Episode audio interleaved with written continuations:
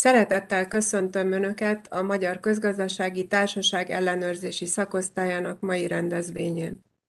Zsakó Enikő vagyok, és az ellenőrzési szakosztály elnökeként szeretném megköszönni Önöknek, hogy csatlakoztak hozzánk.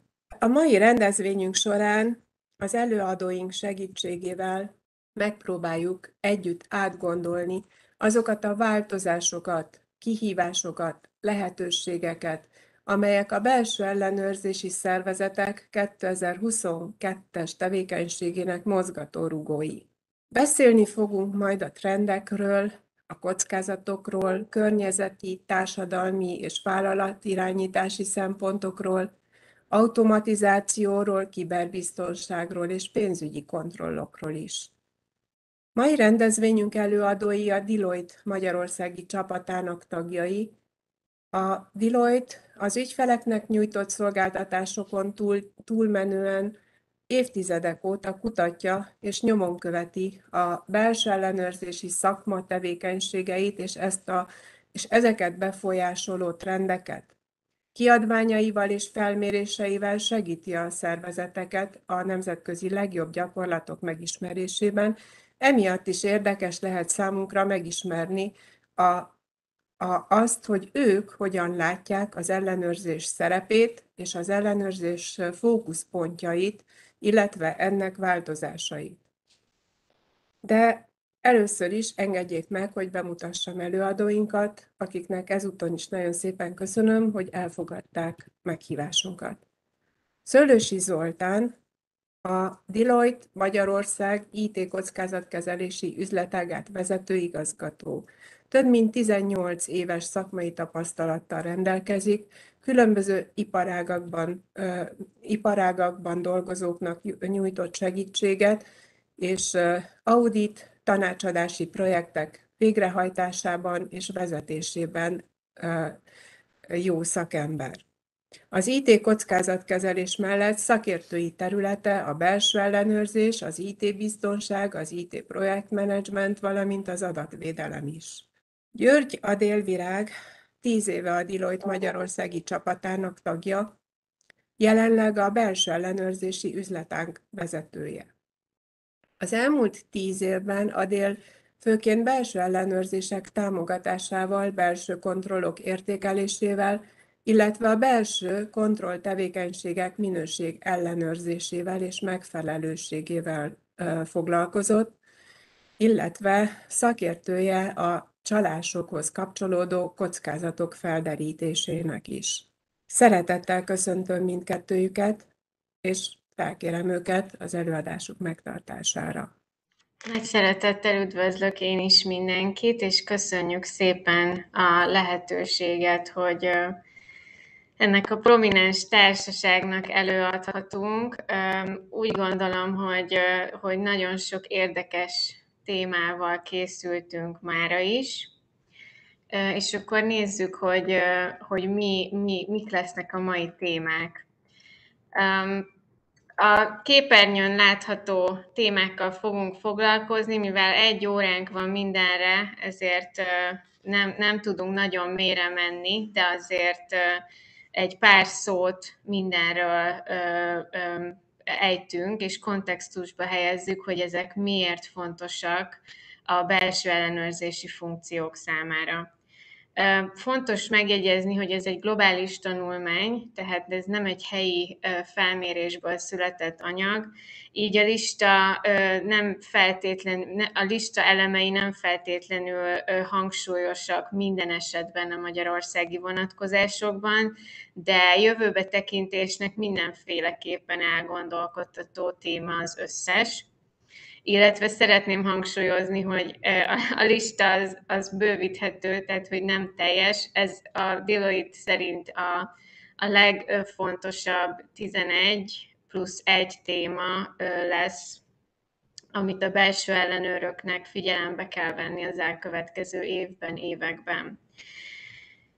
A feltüntetett témák mellett nem mehetünk el szó nélkül az elmúlt hét eseményei mellett sem, így ezt is a végén próbáljuk röviden belevonni a belső ellenőrzés feladatköreibe, hogy a geopolitikai eseményeket mennyire fontos figyelembe venni.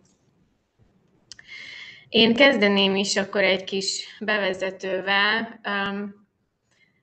A kockázatok és lehetőségek megítéléséről ejtenék egy pár szót.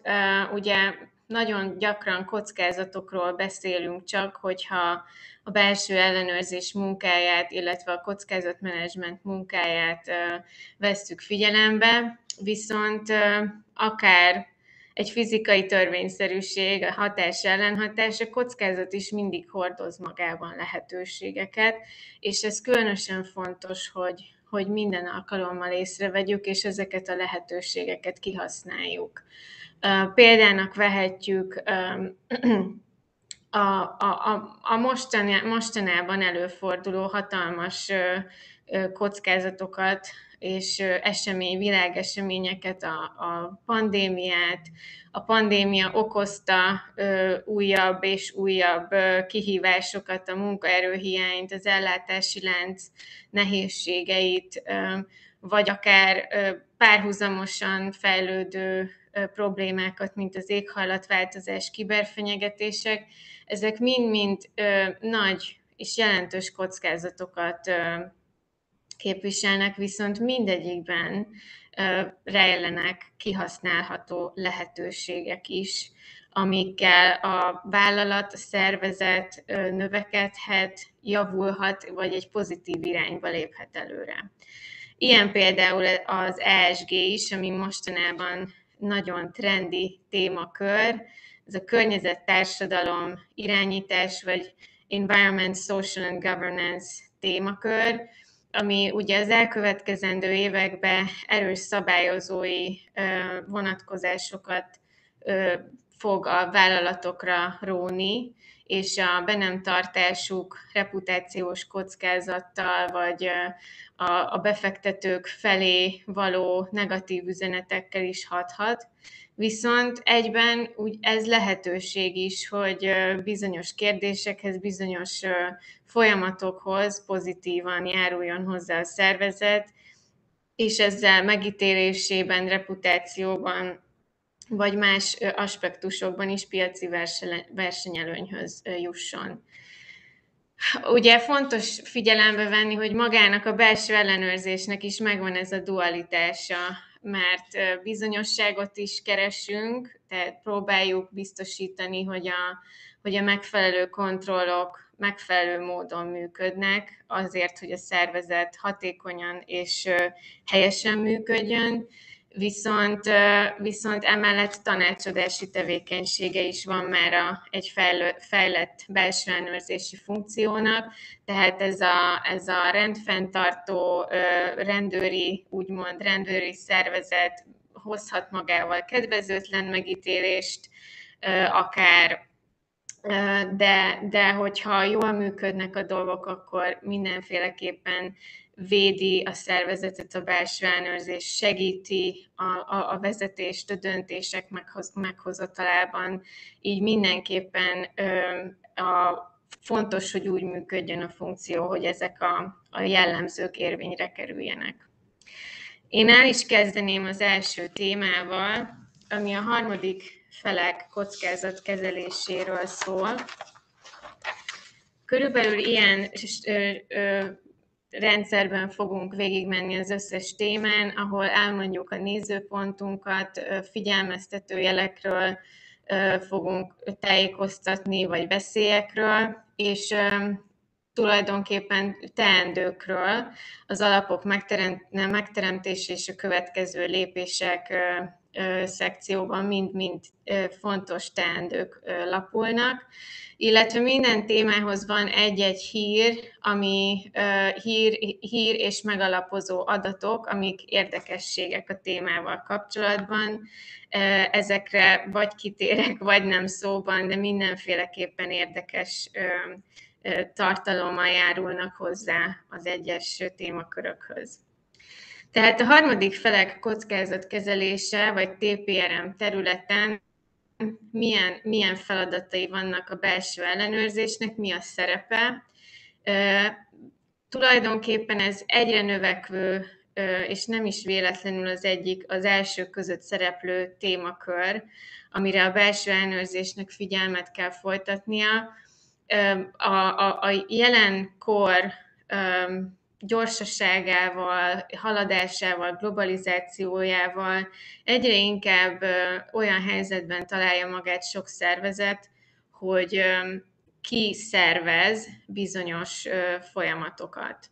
Gyakran már több funkciót is kiszervez egy, egy, egy, egy vállalat, mint amennyit megtart, és ez rendkívül sok kockázatot hordoz maga, magában. A meglévő harmadik felek mellett ugye a vevők és, és szállítók személyében. Hozzá kell tenni, hogy minden harmadik félel való kapcsolat saját kockázatokat hordoz magával, tehát nem mindegy, nem mindegy az iparág, nem mindegy a harmadik fél típusa, hogy azok vevők, vagy szállítók, vagy kiszervezett szolgáltatók, tehát nagyon fontos ezt feltérképezni, hogy, hogy milyen harmadik feleink vannak, milyen kis, kint, kis, mennyire vagyunk kiszolgáltatottak, illetve milyen kockázatokkal jár az, hogy, hogy mi velük együtt működünk. Figyelmeztető jel lehet, hogyha, hogyha erről egyáltalán tudomásunk van, hogy a harmadik fél szintén kiszervezett harmadik felet alkalmaz, vagy alvállalkozót. Erre mindenféleképpen figyelnünk kell, hiszen nagyon gyorsan kontrollt, elveszthetjük a kontrollt a folyamatok felett, és nem tudjuk, hogy hogy mi történik a személyes adatainkról, ha esetleg bérszámfejtésről van szó, vagy mi történik a folyamatainkkal, mennyire tudják biztosítani az általunk elvárt IT-biztonsági vagy adatbiztonsági kontrollokat ezek a harmadik felek. Úgyhogy mindenféleképpen fontos tudni arról, hogyha egy, egy, egy általunk megbízott szolgáltató szintén a vállalkozót alkalmaz. Figyelmeztető jel lehet ugyancsak, hogyha a szállítók teljesítményével kapcsolatosan megnő a munkavállalói elégedetlenség, Ilyenkor természetesen nagyon fontos beavatkozni és kideríteni, hogy mi okozhatja ezeket a problémákat, mert folyamatbeli, minőségbeli problémák nagyon gyorsan rossz irányt vehetnek, és magára a szervezetre is nagy hatást gyakorolhatnak. Figyelmeztető jel az is, hogy, hogy nagyon sokszor ez a téma elhanyagolásra kerül, és a szervezet vezetői úgy gondolják, hogy hát ez nagyon egyszerű, és nem egy fontos prioritás, és úgy gondolják, hogy ezt egyszerűen meg lehet oldani, viszont nagyon sokrétű és komplex területről van szó, jogi, adatbiztonsági, igazából attól függően, hogy milyen szolgáltatóról van szó, rengetegféle kockázat fel, felmerülhet, jogi kockázatok, IT-biztonsági kockázatok, reputációs kockázatok, csalás kockázat, tehát rend, rendkívül sokrétű a témakör, így nagyon fontos, hogy egy, hogy egy szakértő is a témában jártas segítség vagy támogató tudja ezeket, e, ezeket elvégezni. Ugyancsak nagyon fontos, hogy most már ebben a globalizált világban nagyon sok harmadik felünk más és más joghatóságokban, jogrendszerekben működik, tehát ezzel is kiterjesztve a, a, a megfelelőségi szabályokat, határokat, tehát nagyon sokféle szabálynak vagy, vagy, vagy, vagy törvénynek meg kell felelnünk magunk, nekünk is, amennyiben olyan ö, szervezettel dolgozunk, aki egy másik kontinensen vagy másik országban működik. Milyen teendőink, milyen teendőink vannak, ö, amikkel ezeket elősegíthetjük. Alapvetően nagyon fontos, hogy, hogy mivel nagy, hogy nagy a jogi kitettség, a vállalati jogász mindenképpen néz át az összes szerződést, és tegyen fel kérdéseket, ami releváns térképezzük fel a, a, a, harmadik, fél, a harmadik feleinknek a listáját, illetve a, ha esetlegesen ők is alkalmaznak további alvállalkozókat, akkor őket is, és értsük meg ezeknek a mélységét, ez meddig, meddig ö, ö, tud kiszervezni egy, egy cég valamilyen tevékenységet. Fontos figyelembe vennünk, hogy itt minden pici szállító is számít, vagy, vagy, vagy, vagy, vagy legkisebb vevő is adott esetben, mert nem csökken a kockázat a szerződés értékével párhuzamosan, tehát akár egy legkisebb partner is okozhat több milliós károkat, akár reputációs, akár más kockázatban. Erről ugye az itt feltüntetett hírben leírt eset is bizonyítékul szolgál, amiben egy hatalmas bírsággal sújtottak egy bankot, mert nem jelentett megfelelően pénzügyi adatokat a szabályozó hatóságnak, és hát ez ki volt szervezve neki ez a folyamata. Nagyon fontos, hogy a szállító kiválasztás folyamat követelményeit határozzuk meg szigorúan, és folytassunk le kockázatelemzést, amennyiben ez releváns a vevőkre is, teszem azt egy banki szférában, vagy pénzügyi szférában, ott akkor természetesen az ő átvilágításukra is ez kiterjed. Hívjuk fel a felügyelőbizottság figyelmét a téma fontosságára, és elemezzük a, a elemezzük a harmadik felek gyengeségeit és a kihasználható szinergiákat is. Alakítsunk ki megfelelő folyamatot a szankciók eszkalálására, hiszen hogyha a, a szállítók átvilágítása vagy kockázatelemzése során felderül nek bizonyos kockázatok, amire figyelni kell, akkor ezt megfelelően kezelni is kell, tehát erre is kell kialakult folyamat. A következő témánál én át is adnám a szót Zolinak, aki az ESG-ről fog pár szóban megszólalni. Én is nagyon sok szeretettel üdvözlök mindenkit. Örülök, hogy itt lehetünk ma, és beszélhetünk ezekről a témákról. Tulajdonképpen, amit még hozzátennék az előző third party risk managementhez, az az, hogy a pénzügyi szektorban ez különös jelentőséggel bír, ugyanis készülőben van egy új európai szintű jogszabály, a DORA, ami ezt tulajdonképpen ki is fogja kényszeríteni a vállalatoktól, tehát ez egy jogszabályi elvárás lesz a megfelelő harmadik felek kockázatkezelése. És akkor kanyarodjunk is rá az ESG-re. Ugye mi is az az ESG? Azt gondolom, hogy ez egy buzzword már mostanában nagyon sok helyen hallani. A Deloitte-nak is van egy webinár sorozata, cikk sorozata is, amiben az ESG-ről beszélünk különfajta szempontokból. De ugye az ESG az az Environmental, a Social és a Governance angol szavaknak a rövidítése, ami ugye magyarul a környezetet, a társadalmat és az irányítást eh, jelképezi. Az ESG keretrendszeren belül eh, ezek eh, pilléreknek számítanak, és tulajdonképpen ez az a három téma terület, amit ben a vállalatoktól jelentéstételt várnak el.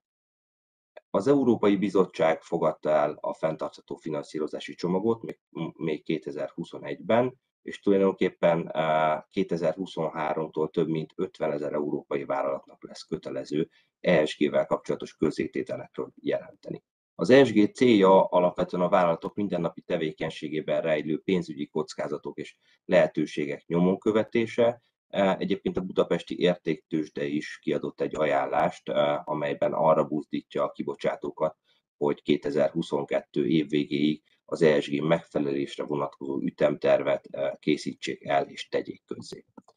Tehát az mindenképpen látható, hogy ez egy nagyon akut téma, mindenki foglalkozik vele, de hogy hogyan is néz ki ez a belső ellenőrzés szemszögéből.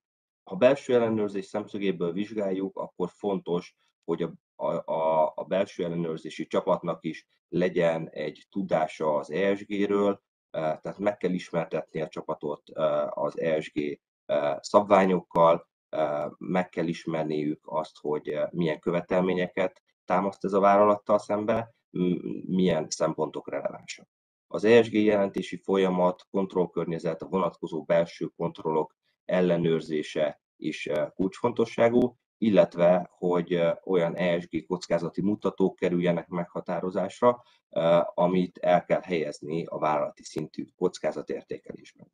Fontos lehet még az elkészült jelentéseknek a felülvizsgálata, vagy az ilyen kulcs problémák, kockázatok beazonosítása.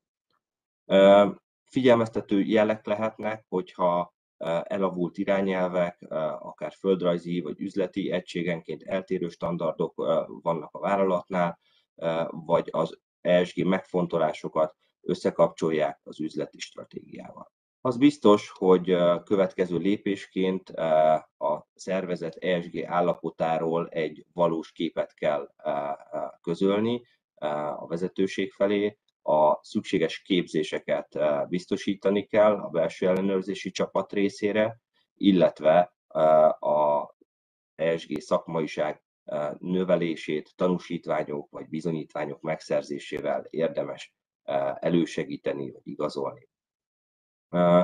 Ugye ESG specifikus pozíciók kialakítása is folyamatban van, ezeknek a, a támogatását szervezeten belül erősíteni, illetve az ellenőrzés mindennapjaiba beépíteni az ESG szempontokat.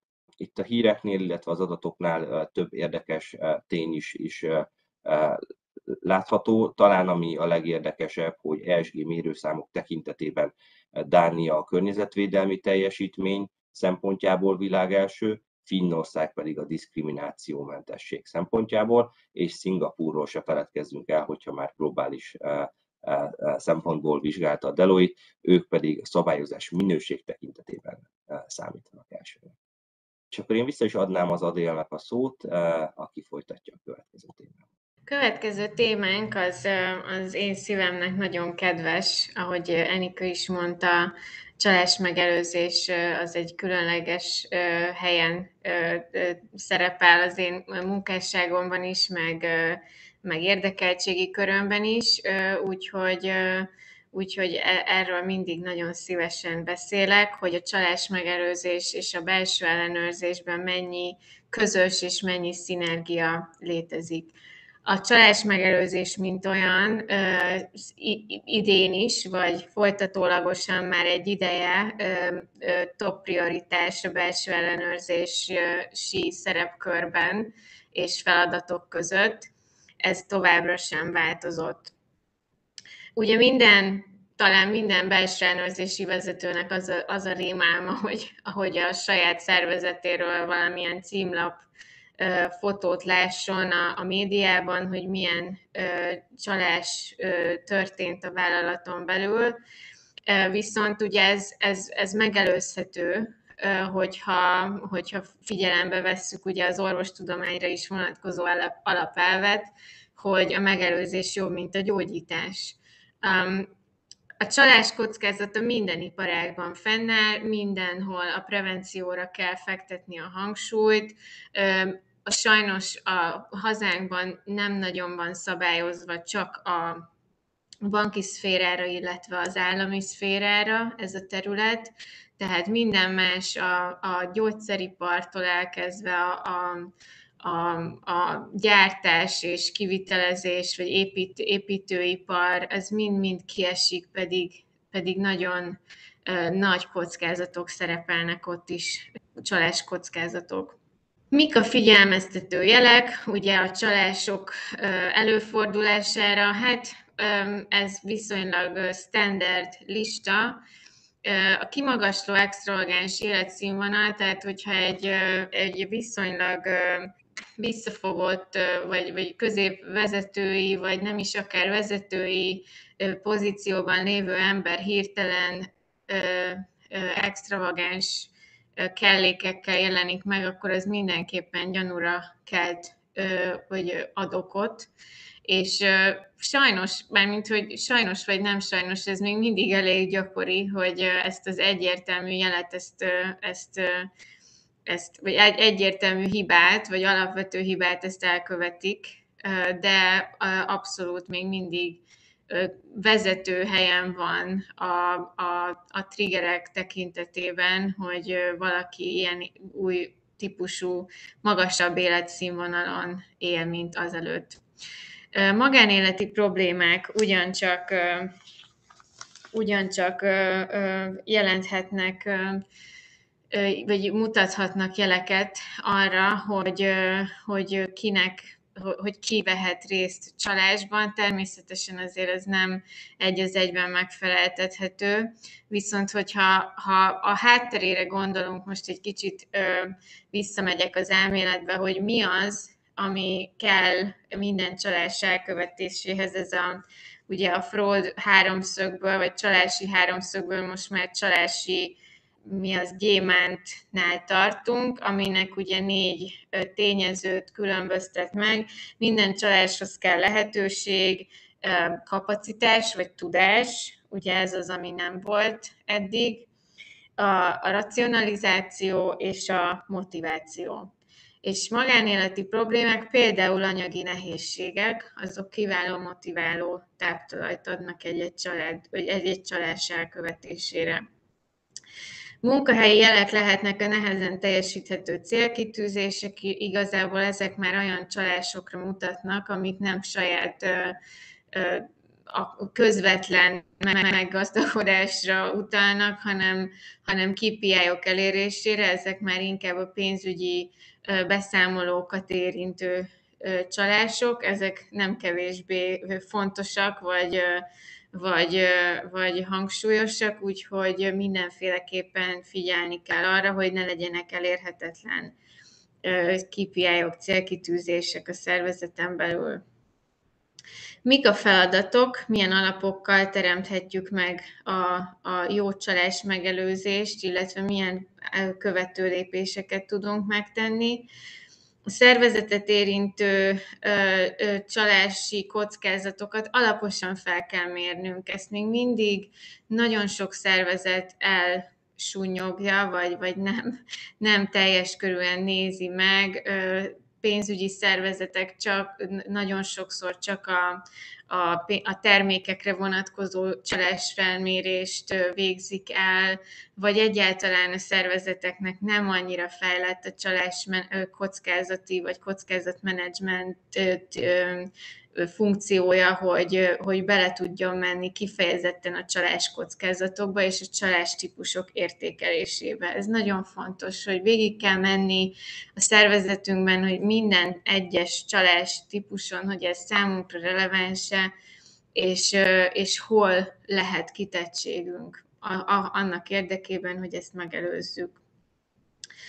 A csalás megelőzés alapjainak alkalmazása magyarul a belső kontrollok alkalmazása. Ugye itt az, ahol itt van egy, egy hatalmas kapocs, ugye a belső kontroll, compliance, belső ellenőrzés és a csalás megelőzés között, hogy tulajdonképpen a csalás megelőzés alfája és omegája a megfelelő belső kontrollok és kontrollkörnyezet kiépítése, tehát feladatkörök elkülönítése, hozzáférések korlátozása, felelősök rotálása és egyéb utaláshoz, számlázáshoz, mindenféle kockázatos feladatkörhöz kapcsolódó kontrollok megléte. Tehát, hogy ezt nem tudjuk megkerülni, hogyha ezek nincsenek a helyükön, akkor a csalás kockázata exponenciálisan megnő infrastruktúra kialakításával is nagyon tudjuk támogatni a csalás megelőzést, anonim csalásbejelentési csatornákkal, ami most különösen fontos és hangsúlyos, hiszen 2019 év végén az EU elfogadott egy irányelvet, amiben az EU tagországainak kötelezővé teszi az 50 fő felett az anonim csalásbejelentési csatorna bevezetését, minden iparágra vonatkozóan. Nagyon fontos tudni, hogy Magyarországon eddig csak a pénzügyi szektort és az állami vagy állami tulajdonban lévő cégeket érintette a magyar szabályozás, tehát hogy ez egy hatalmas változást fog hozni. Sajnos ez nem került implementálásra még, december 2021. december 17 lett volna az implementálási határidő 250 fő felett, ez nem történt meg de valószínűleg az elkövetkezendő év vagy második felében, vagy vége felé várható valamilyen helyi szabályozás is a témában. 50 fő feletti, 50 és 250 fő feletti vállalkozásoknak pedig a 2023. decemberig kellene megfelelni ezeknek az elvárásoknak. Ezek elég szigorú és új keletű elvárások a, a csalás megelőzésben és a csalás visszaélés bejelentésben, úgyhogy nagyon fontos, hogy, hogy Magyarország és a, a, az, a piac, aki rengeteg eddig le nem fedett piaci szereplő van, ehhez flottul és, és jól tudjon alkalmazkodni kontrollok, belső ellenőrzési csapat képzése és az érdekelt felek tájékoztatása, ami még nagyon fontos a csalás megelőzés témájában. Fontos, hogy ez mindenkinek, minden vezetőnek és érintett félnek a fejében legyen, és ez fókuszban legyen, hiszen hajlamosak vagyunk elfelejteni, hogy, hogy csalás mindenhol van csak nem biztos, hogy tudunk róla. Az ACFE, az Association of Certified Fraud Examiners, a csalás megelőző, vagy csalás felderítő, megelőző és felderítőknek a szövetsége, globális szövetsége azt becsüli, hogy a vállalat, minden vállalat általában általágosan 5%-át veszíti el az éves bevételének évente csalás következtében, tehát nyilvánvalóan ez egy irányszám, de senki ne gondolja, hogy nála nincsen csalás, csak azért, mert nem tud róla, mindenhol van, csak nem biztos, hogy fel, felderítésre kerül. Folytatnám a következő témával, ami, a, ami összekapcsolódik egy picit pont a visszaélés bejelentés témája kapcsán az előzővel. Ez a témánk az aklatás és molesztálás, vagy ahogy én inkább magyarul fogalmaznám az etikai magatartásnak a kérdése, vagy etikátlan magatartásnak a kérdése.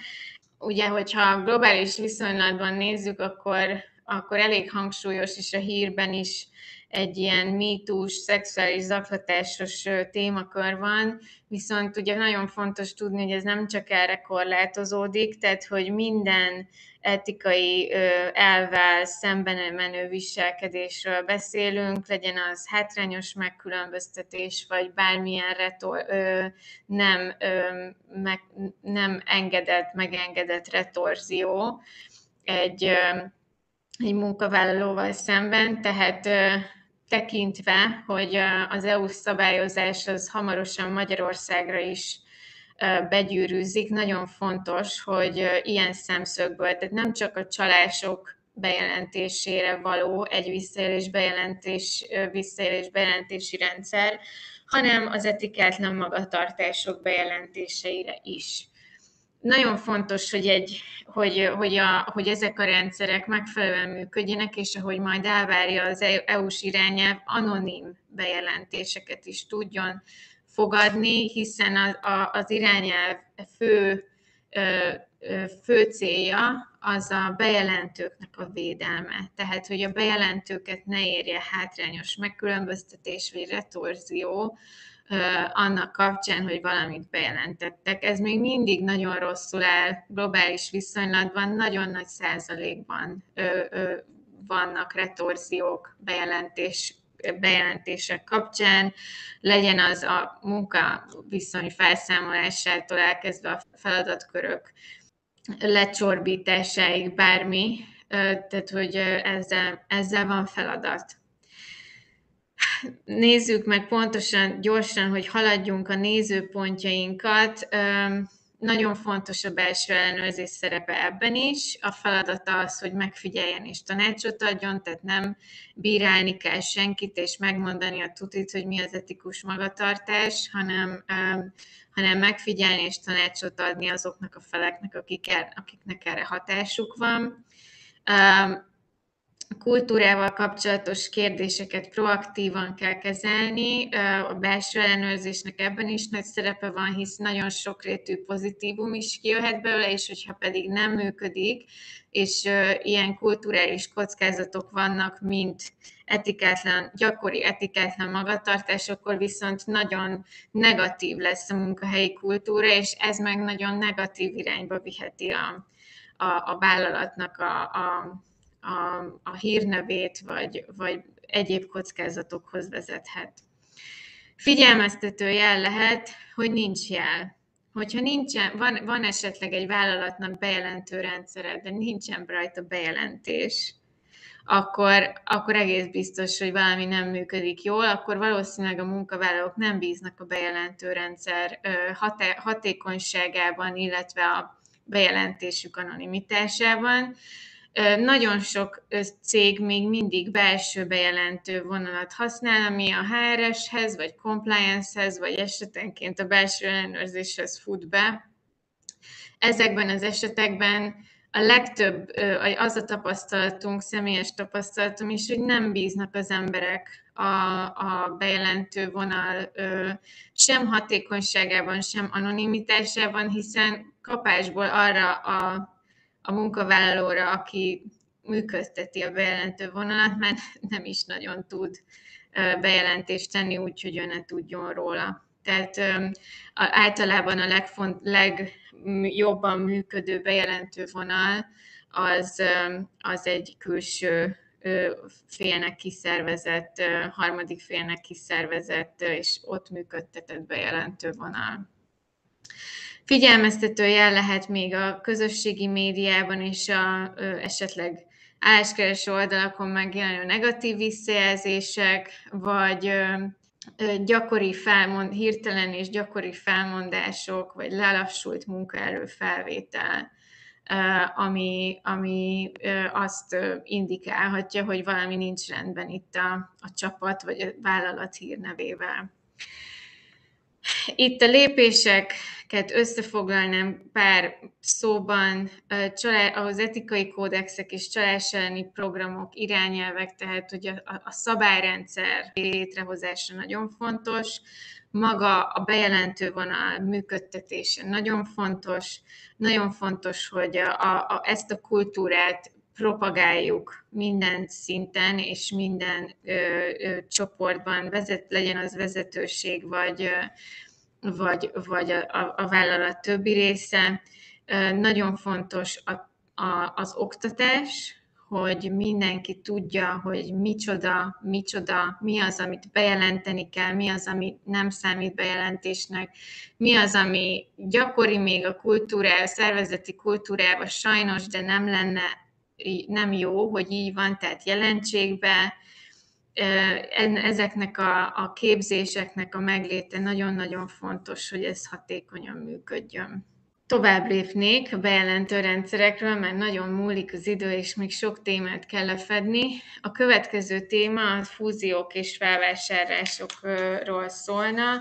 Hát tulajdonképpen, amikor ez a tanulmány készült, akkor még mindenki nagy optimizmussal tekintett a 2022-es évre, mert most már nagyjából úgy néz ki, hogy talán kifelé jövünk a pandémiából, és mindenki azt prognosztizálta, hogy itt a vásárlási, fogyasztási kedv, utazási kedv meg, megnő, itt a, a gazdaságok újra szárnyalni kezdenek, hogy kimozdulhatnak az emberek, és ez a, ez a, az a gazdasági életben is általában megmutatkozik, fúziókban és felvásárlásokban is.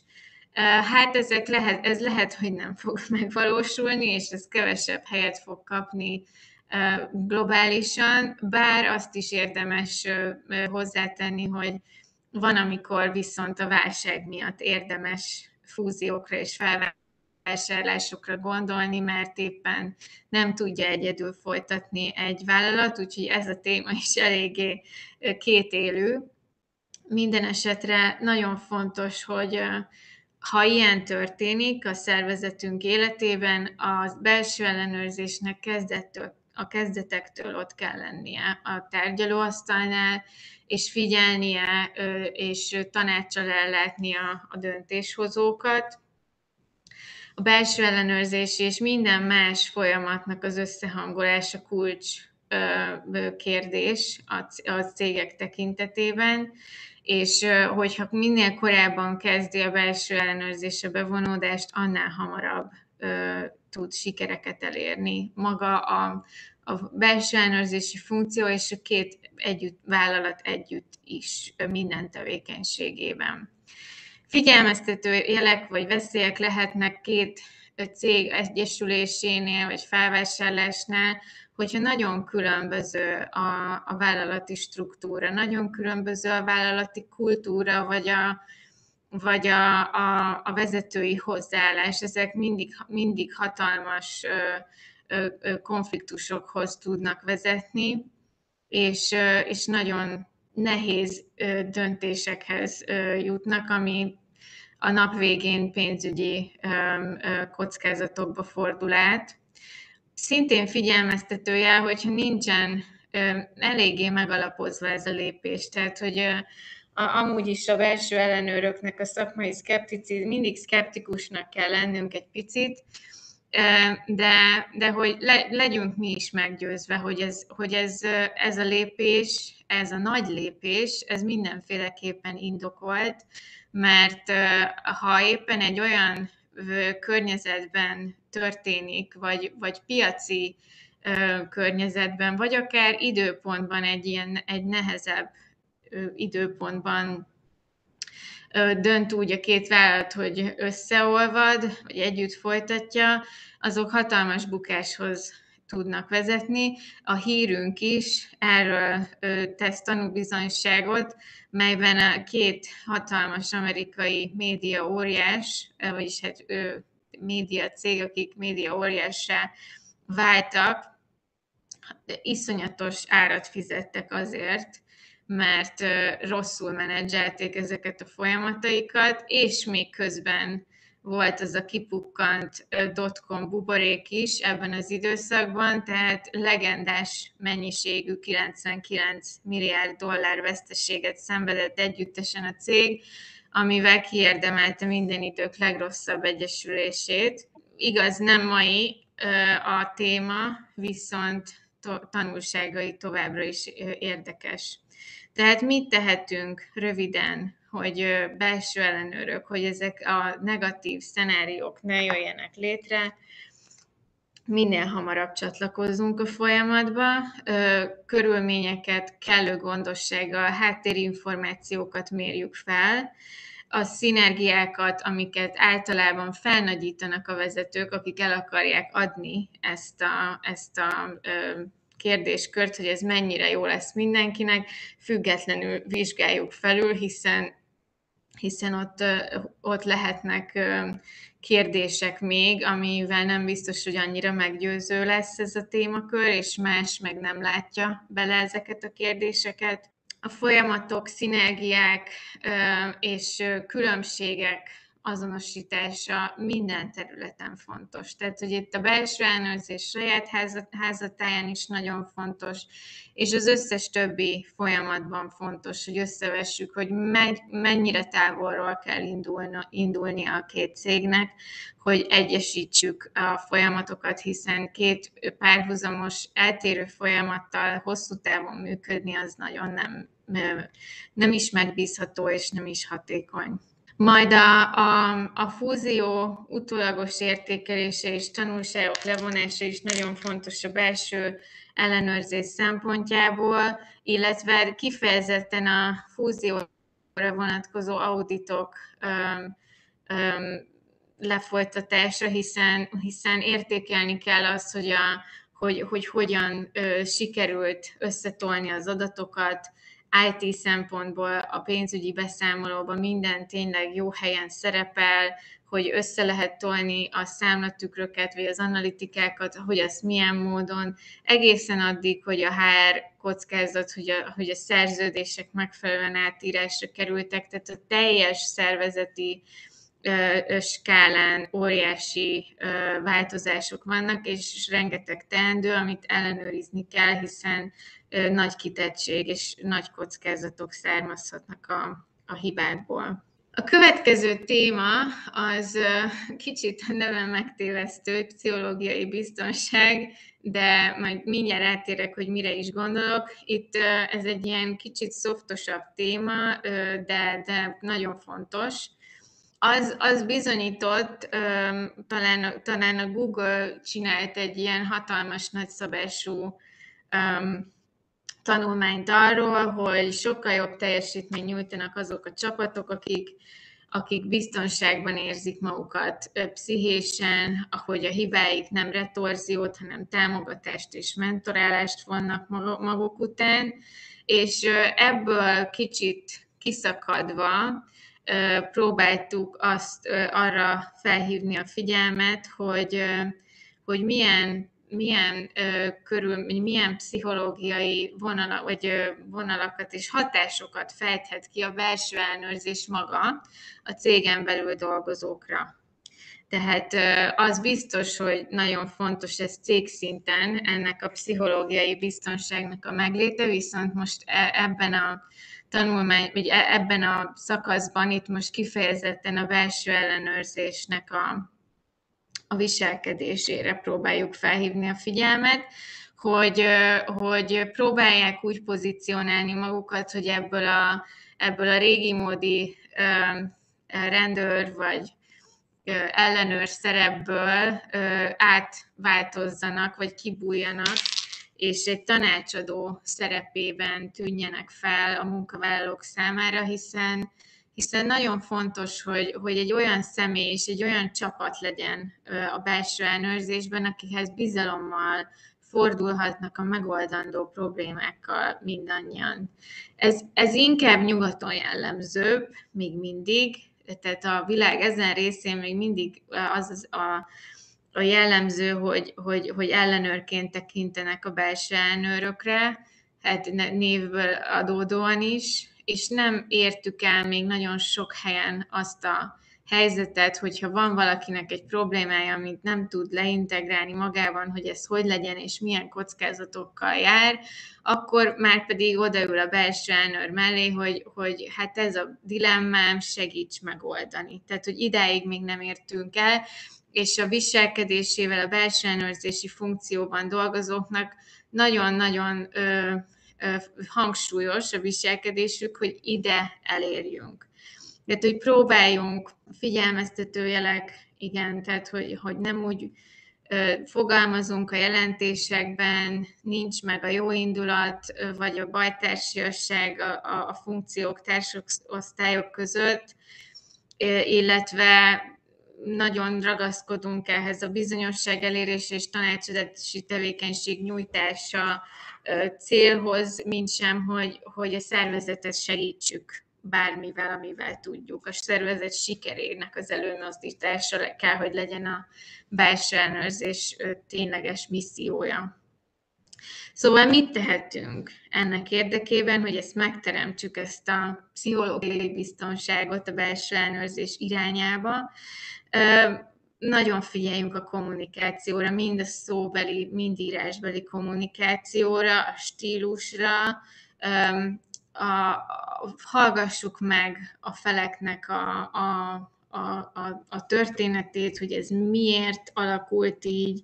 Írjuk le részletesen azt is, hogyha enyhítő körülmények vannak, tehát hogy egy megállapítás nem biztos, hogy, hogy csak úgy oda kell rakni a levegőbe, hogy most ez történt, és ez hibázott, és, és ennyi mm, hiányt szenvedett a cége miatt, hanem, hanem nagyon fontosak itt a körülmények, hogy milyen nehezítő tényezők voltak, esetleg egy felvásárlás, esetleg új folyamatok, esetleg egy ERP rendszer bevezetése, nagyon-nagyon sok minden érintheti a témaköröket.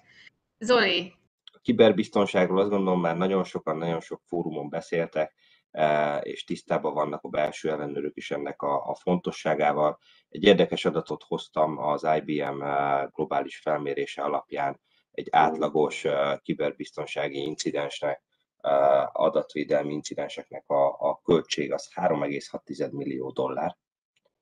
Ebben ugye benne vannak a belső erőforrás költségek, a külső tanácsadói egyéb költségek, akár a bírságoknak a költségei, de azért ez egy elég nagy szám, ezért is, meg ugye a reputációs kockázat miatt is mindenféleképpen nagyon nagy figyelmet kell erre szentelni, és ezt úgy kell, hogy leginkább megfelelő eszközökkel, megfelelő szakértőkkel megtámogatni. Én azt gondolom, hogy a belső ellenőrzés feladata leginkább az, hogy, hogy ezeknek a megfelelő eszközöknek, szakértőknek, védekező, elhárító megoldásoknak a meglétét vizsgálja, kényszerítse ki a szervezetből, hívja fel a figyelmet ezeknek a kockázatoknak a súlyosságára, és a menedzsment ennek a figyelmét irányítsa erre, hogyha ez még nem lenne megfelelő. Úgyhogy röviden ennyi, Adél vissza is adom akkor. Például ez a sokszínűség, egyenlősége és befogadás, ez szintén egy új kelet, viszonylag új keletű témakör, ami, ami, amit a belső ellenőrzés figyelmébe ajánlanak globálisan és itt a globálisan aláhúzandó, mert talán Magyarországon jelen pillanatban nincs annyi kitettség erre vonatkozóan még, hogy ez akkora problémákat okozzon, viszont ugye ahogyan megyünk a globalitás felé, bevándorlók innen, onnan nehéz helyzetből csatlakoznak a magyar társadalomhoz, egyre inkább a szervezetek kitettek lesznek más kultúrának, más rasszoknak, és nagyon fontos, hogy, hogy ne engedjünk teret szervezetileg annak, hogy hátrányos megkülönböztetéssel akár nemet, akár akár azt, akár más nacionalitású munkavállalót érhessen ilyen, ilyen impulzus. Ebben természetesen a belső ellenőrzésnek is nagyon fontos szerepe van. Én úgy gondolom, hogy ez a prioritási listán talán most még hátrébb helyezkedik el, de nagyon fontos, hogy ott legyen a tudatunkban, esetleg egy-egy kérdőívben, vagy, vagy egy-egy adatelemzésben jelenjen meg ez is, hogy mennyi az ilyen, mennyi az olyan, milyennek az aránya, hogy van, stb., mert nagyon sok figyelmeztető jel lehet, ha csak analitikusan megnézzünk egy-egy területet, hogy, hogy, hogy ezzel lehetnek problémák. És ezt én ennyivel le is zárnám, el fogjuk küldeni a, a el fogjuk küldeni a, a diákat, így ha valakit ez mélyebben érdekel, akkor elolvashatja a részleteket, amit itt feltüntettünk.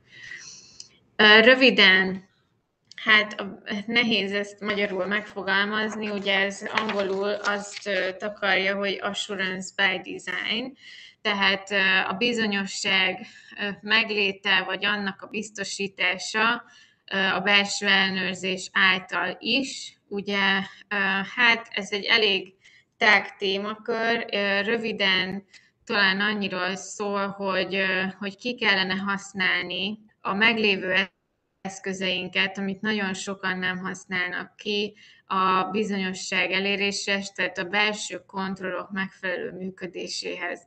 Nagyon sok esetben van olyanra példa, hogy meglévő ERP rendszernek olyan tulajdonságai vagy funkciói vannak, amiről fogalmuk sincs. A, a, se a compliance-nek, se a managementnek, az operatív managementnek, pedig hatalmas segítség lenne a kontrollok végrehajtásában nagyon sok minden automatizálható, tehát fontos, hogy tudjuk, hogy mi az, amivel dolgozunk, és minden fél ugye a, a három védelmi vonalban tisztában legyen ezekkel, és ezt maximálisan ki tudja használni.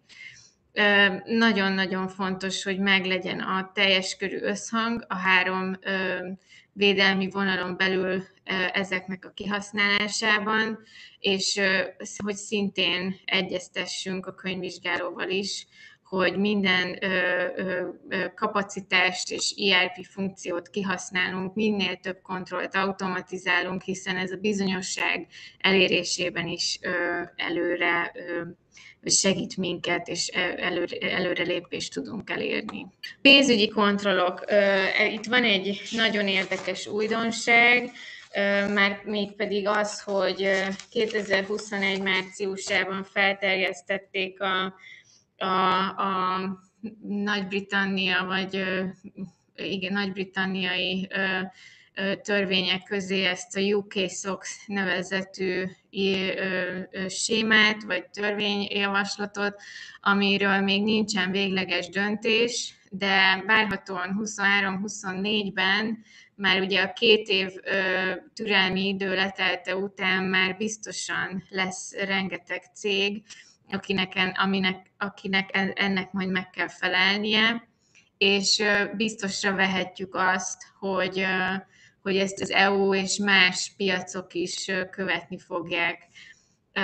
Nagyon hajaz, nyilvánvalóan nagyon hasonlít a, a, a US SOX-ra, viszont ugye azóta eltelt 20 év, és rengeteg újítás és új koncepció kell, hogy bekerüljön, és került be azóta a belső kontrollok kezelésébe és menedzselésébe, úgyhogy kíváncsian várja mindenki, minden szakmabéli azt, hogy ennek mi lesz a tartalma, és hogy esetleg ezt EU, az EU, mert ugye ránk az vonatkozik, milyen formában fogja átvenni, de szinte garantálható, hogy hogy, hogy ebben is lesz előrelépés az elkövetkezendő években, tehát hogy ez a, a, a pénzügyi ICFR hat, hatókörébe tartozó kontrollok szer, szer, rendezett és robosztus kialakítása, ez valószínűleg mindenkire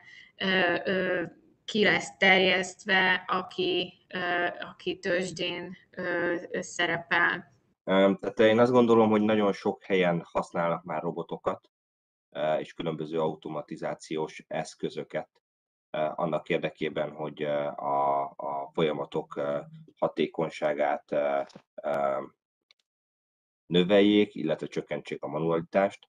Úgyhogy a belső ellenőrzés számára is fontos, hogy értse ezek hol vannak a szervezetben, illetve informatikai szempontból is ezeket meg tudja megfelelően vizsgálni, tehát hogy mit csinálnak pontosan ezek a robotok, valóban azt csinálják-e, mint amik mondjuk a specifikációban vagy az elmondások alapján történnek, illetve hogy, hogy tényleg csak azokat a robotokat használják-e, amelyek megfelelő módon a jóváhagyási folyamaton végigmentek. Talán a legegyszerűbb módon egyébként a robotok úgy azonosíthatóak, hogy ezek külön felhasználóként szerepelnek a rendszerekben, tehát egy IT auditor azért viszonylag gyorsan és könnyedén meg tudja találni. Úgyhogy érdemes itt szakértő segítségét igénybe venni. A másik szempont pedig ugye az, hogy a belső ellenőrzés hogyan használja a saját folyamataiban az automatizációt. Itt akár beszélhetünk bizonyos vizsgálatoknak az automatizálásáról, vagy adatelemző megoldásoknak a használatáról és azoknak az automatizálásáról. Tehát azt gondolom, hogy itt is egy viszonylag széles körű az a, az a felhasználási terület, amivel lehet a belső ellenőrzési munkát hatékonyabbá tenni, vagy akár bizonyos teszteket nem csak minta alapon, hanem a teljes populációra is elvégezni. Adél?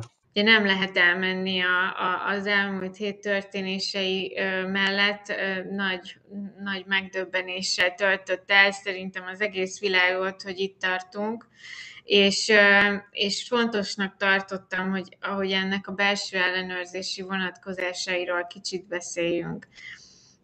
Hogyan ítéljük meg, és mi, mi a belső ellenőrzés szerepe a geopolitikai események kezelésében, Ugye ezek olyan, olyan kockázatok, amik ritkán kapnak megfelelő figyelmet addig, amíg nem késő, és fontos elemei kéne, hogy legyen a vállalati kockázati portfóliónak, viszont nagyon elhanyagolt terület a tapasztalataink alapján, tehát hogy ez mindenki beteszi a fiókba, már hogy hát valószínűleg hozzászoktunk nagyon a jóhoz az elmúlt 80 évben. Úgyhogy, úgyhogy fontosnak tartjuk, hogy ez benne legyen, és ugye nem csak a belső ellenőrzésnek a fókuszában, hanem a kockázatkezelésnek a fókuszában is. Most még januárban jött ki a World Economic Forumnak a risk reportja, amiben, amiben a tízes listájára se került fel, vagy, a, vagy alig került fel a leg, leg vagy a tíz, tíz legfontosabb kockázat közé ez a, ez a kockázat, pedig aztán láss csodát, most már mindent döntöget, és olyan hatásai vannak, hogy, hogy mindenki csak kapkodja a fejét az inflációra, az árak emelkedésére, az országban egyáltalán kockázatra, logisztikára, bármire láthatjuk, hogy, hogy most már semmi sem biztos, és, és iszonyatosan tudja ezt a, a mozgatni a, a vállalatok értékét, különösen, hogyha tőzsdén vannak, vagy, vagy, vagy árfolyam kockázatnak is ki vannak téve. Tehát most ez a, ez a mostani geopolitikai esemény sorozat, aminek szemtanúi vagyunk, is nagyon megrángat nagyon sok céget. Tehát fontos az, hogy integráljuk a geopolitikai kockázatkezelést a vállalat egyéb üzleti folyamataira, legyen ott a gondolataink között, alkalmazzuk rá az ERM, a vállalati kockázatkezelés elveit, és értsük meg azt, hogy ha egy ilyen történik, hát most már kénytelen lesz mindenki megérteni és figyelembe venni, ha egy ilyen történik, akkor a vállalatunkra milyen kockázatokat mérhet az. A határokon átnyúló kapat, vagy működés van, vagy sem, árfolyam kockázat van vagy, van, vagy nincs, tőzsdén a, a részvények értéke, értékét érintheti-e, hogyha a régiónkban történik valami. Rengeteg-rengeteg terület van, amit végig kell gondolni, és erre terveket kell készíteni, és a belső ellenőrzésnek ebben nagy segítséget kell nyújtani a vezetőknek. Gondolkodj, gondoskodjunk arról, hogy erre naprakész információk legyenek, és az operatív döntéshozatalba is építsük be rutinszerűen, és nem csak akkor, amikor kitör egy háború, hanem, hanem békeidőben is. És kövessük nyomon az egy, a kulcsfontosságú tényezőket, tehát hogy figyeljük, hogy mi történik a világban, ne csak elmenjünk mellette, meg ignoráljuk a híreket, hanem kifejezetten erre legyen egy, egy kitett fülünk a világra, hogy, hogy, a, hogy a nemzetközi helyzet az hogyan befolyásolhatja a mi szervezetünknek a, a működését és értékét. Nagyon köszönjük, hogy ilyen strukturáltan mutattátok be, és így csokorba kötöttétek ezeket a kiemelt kockázatokat, amire a belső ellenőrzésnek oda kell figyelnie. Úgy gondolom, hogy a, az előadás szlájdjai is nagyon hasznosak lesznek itt a későbbiek során, Úgyhogy köszönöm, hogy ezt is lehetővé teszitek, hogy megosszuk. Látom, hogy van kérdező is, illetve a chatbe is érkezett kérdés. Megkérném a, a Zsuzsát, hogy tegye fel a kérdését, aztán utána foglalkozunk a csevegésben megjelent kérdésekkel is. Szeretném megköszönni ezt a nagyon nehéz és sokoldalú előadást. Én tényleg csodálom de a virág is ilyen fantasztikusan végig tudta vezetni. Megint tanultam. A kérdésem az lenne, hogy ezek a, az előírások a belső ellenőrzésre, ezeknek csak ajánlati lehetőségeik vannak, vagy pedig vannak kötelező, hogy a cégnek vagy a megvizsgált vizsgál vállalatnak ezeket be kell tartani, és aki nem tartja be, azokat valamilyen formában megbüntetik, vagy esetleg pénzügyi következményei is vannak. Köszönöm a kérdést, Zsuzsa. Jellemzően ajánlások, tehát ezek a, a, a globális viszonylatban lévő legjobb gyakorlatok, és a legjobb gyakorlat alatt azt értem, hogy erre érdemes figyelni egy felkészült és modern belső ellenőrzési funkcióknak, viszont vannak területek, amik viszont igen törvényileg is szabályozottak, erre, vonat, erre vonatkozóan említettem ugye a visszaérés bejelentési EU-s irányelvet, ami nagyon hamarosan lokalizált törvény formájában is meg fog jelenni Magyarországon, illetve a pénzügyi és állami szektorra már ma, ma is több szabályrendszer ki van alakítva, a belső kontrollok, a belső ellenőrzés működésének formái, formáira és mélységére vonatkozóan, úgyhogy, illetve a a, a, a terrorelhárítás és pénzmosás kapcsán ugye a pénzügyi intézményeknek kiterjedt törvényi szabályozásoknak kell megfelelni. Ez kapcsolódik például a harmadik fél, felekhez kapcsolódó témánkhoz, amint Zoli említette, ugye ott szintén jön egy új szabályozás, úgyhogy, úgyhogy sok olyan téma van ezek között, amiket törvényileg is elvárnak, viszont még mindig van pár olyan, ami javaslat a legjobb működés eléréséhez. Felolvasnám itt, ami a chat felületen érkezett. Egy kérdés. A bankok ellenálló képességének, rugalmasságának, rezili- rezilienciájának mérésére vannak kifinomult módszerek, stressz, stressz tesztek. Vannak-e ilyen tesztek más piacon működő hagyományos vállalatok számára is?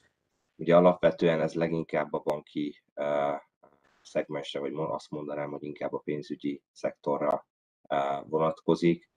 Más, más ilyen szektorokra általánosságban nincsen ilyen.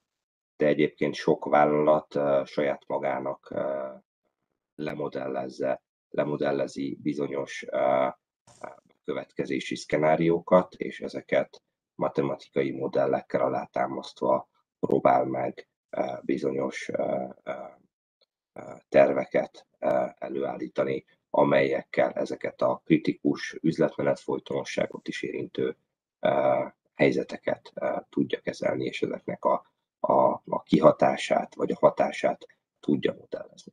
A közgazdasági társaság titkára jelezte, hogy az általatok is nevesített BÉT ESG ajánlással kapcsolatos előírásokról, követelményekről az MKT egy másik rendezvényén volt szó, tehát mindazok, akik esetleg érdekeltek ebben a témakörben, vagy érdeklődnek ezen témakör iránt, tudjuk ajánlani az MKT honlapján elérhet, tehát a YouTube csatornán elérhető korábbi előadásunknak az anyagát, és ehhez kapcsolódóan érkezett egy kérdés is, ami az ESG-vel kapcsolatos. Tehát ugye a szervezetek még csak most készülnek fel az ESG követelményeknek való megfelelésre. A belső ellenőrzés támogathatja ezt a felkészülést, de hogy gondoljátok, hogy mikor lesz aktuális a belső ellenőrzés számára, hogy az ESG követelményeknek való megfelelést ellenőrizni tudja? Én azt gondolom, hogy ebben az esetben is érdemes azt a megközelítést követni, hogy ne akkor ellenőrizzen a belső ellenőrzés, amikor a szervezet azt mondja, hogy akkor minden kész van, eh, és ugye ez várhatóan 2023-ban eh, fog megtörténni, hanem inkább egy ilyen folyamatában történő ellenőrzés legyen, tehát itt tulajdonképpen együtt kellene mozogni, együtt kellene az ESG megfelelést biztosítani a szervezettel. Értelemszerűen, amikor itt a kialakítás megtörténik, azt gondolom, hogy fontos, hogy a belső ellenőrzésbe legyen vonva, és legyen lehetősége a különböző fórumokon a véleményét elmondani, vagy úgymond tanácsadói szerepben hozzájárulni ehhez a, a folyamathoz, illetve értelemszerűen, amikor ez már megtörtént, bevezetésre került és valamennyit működött, akkor lehet egy független belső ellenőrzést végrehajtani a témát. Röviden én is kiegészíteném, hogy itt a, a, a beárazásról is szólt a kérdés a chatben, ahogy látom, hogy hogyan lehet ezeket beárazni, a kockázatokat. Ez, ez még egy nehéz kérdés, mert még, még nincsen tapasztalat. Tehát, hogy el kell tenni a, a, a, tör, vagy a, a hatályba lépéstől is egy kis időnek, hogy lássuk, hogy ennek milyen szabályozói vonatkozásai vannak egy-egy nem megfelelésnek illetve aki, aki tőzsdén jegyzett cég, annak már most is nagyon sok cégnek elérhető ez a Sustainability Indexe, ami több helyen is elérhető a, a, a neten, amit meg lehet nézni, és tulajdonképpen, hogyha az nem jó helyzetben van, vagy nem jó százalékot mutat, az befolyásolhatja a befektetőknek a, a motivációját, vagy, vagy egyáltalán befektetési kedvét a vállalkozásba, amivel szintén lehet már számszerűsíteni ezeket a kockázatokat, de alapvetően én úgy gondolom, hogy el kell tennie egy kis időnek, hogy ezt úgymond be tudjuk árazni. Jelen pillanatban compliance kockázat az mindenképpen fennáll. Érkezett még egy kérdés, ezt most töltöttem itt föl hogy elég előhely, előkelő helyen említették a csalásokat, mint az egy olyan szempontot, mely mindenképpen a belső ellenőrzésnek a fókuszában kell legyen.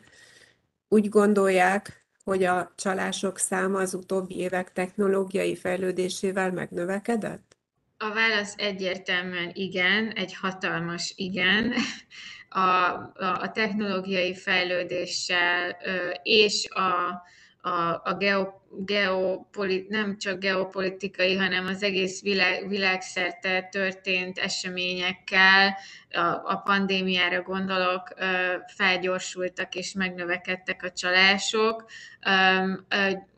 azzal, hogy rengetegen otthonról dolgoznak, gyengített IT infrastruktúrában vagy IT biztonságban, megnövekedett a lehetőségek tárháza is az elkövetőknek, és, és egyre szofisztikáltabb támadásokkal tudják ezeket elkövetni. Erre nagyon jó statisztikát mutat, sajnos még csak Amerikában mérik az internetes csalásokat, tehát ami a technológiai csalásoknak ugye egy, egy nagyon nagy része. Ebben van egy Internet Crime Reportja az FBI-nak majdnem minden évben, mondjuk 21-re még nem érkezett meg, ami, ami elképesztő tendenciákat mutat világszín, világszinten, nem csak Amerika szintjén, ennek a két legfőbb csalási típusa az a Business Email Compromise, ami egy, egy üzleti e-mail címmel való visszaélés, és a ransomware típusú csalás, ami uh, tulajdonképpen adatok fogjulejtését, vagy túlszulejtését uh, jelenti addig, amíg nem fizetnek váltságdíjat érte. Tehát ez a kettő csalás összességében három számjegyű billió, milliárd dollár szinten követel meg a cégektől minden is ez évek óta világszinten, és ezekre még nincsenek is pontos adatok, tehát hogy a COVID is rontott a helyzeten, de amúgy is ezen az úton vagyunk, hogy igen, megnövekedtek a csalások a technológia fejlődésével. És hogyan látják, hogy a belső ellenőrzés tud reagálni erre a változásra? A változásra. Igen, nagyon fontos, hogy, hogy a kockázatelemzésben ez megfelelő helyet kapjon. Nagyon fontos, hogy egy belső ellenőrzési tervben is figyelmet szenteljünk a, a az IT biztonságnak és a kiberbiztonságnak, tehát ezeknek az auditja mindenféleképpen szerintem hozzásegítheti a belső ellenőrzést egy, egy, egy, egy valamilyen szintű bizonyosság eléréséhez és ehhez pedig IT-biztonsági és kiber, kiberbiztonsági szakértőkre van szüksége, tehát hogy nagyon fontos, hogy megfelelő szakemberekkel vértezze fel magát a belső ellenőrzés, mert úgy látjuk, hogy még mindig nincs elég IT szakember, vagy olyan szakember a belső ellenőrzési csapatokban, vagy nem elég arányban, akik ilyen mélységekig, mélységekig megértik ezeket a sémákat, és tudják, hogy a, kezelni az összefüggéseket és a, a hozzájuk kapcsolódó kockázatokat. Úgyhogy én úgy gondolom, hogy a, ha a belső ellenőrzés valamilyen módon figyelmet fordít a kiberbiztonságra, illetve beépíti a tervébe, akkor már egy nagyon nagy lépést tett annak érdekében, hogy megelőzze ezeket a, a csalásokat. Nagyon szépen köszönjük a válaszokat. Nagyon-nagyon szépen köszönöm mindenkinek a részvételt. Köszönöm Adél és köszönöm Zoltán, hogy egy ilyen komplex és átfogó képet nyújtottatok számunkra itt a, a jel, az aktuális életünkben jelenlevő kockázatokról. Úgy gondolom, hogy nagyon hasznos volt mindenki számára ez az előadás, különösen azoknak, akik a belső ellenőrzési területen dolgoznak. Nagyon szépen köszönöm mindenkinek a jelenlétet, és kívánok mindenkinek kellemes délutánt, és várjuk Önöket a következő előadásaikra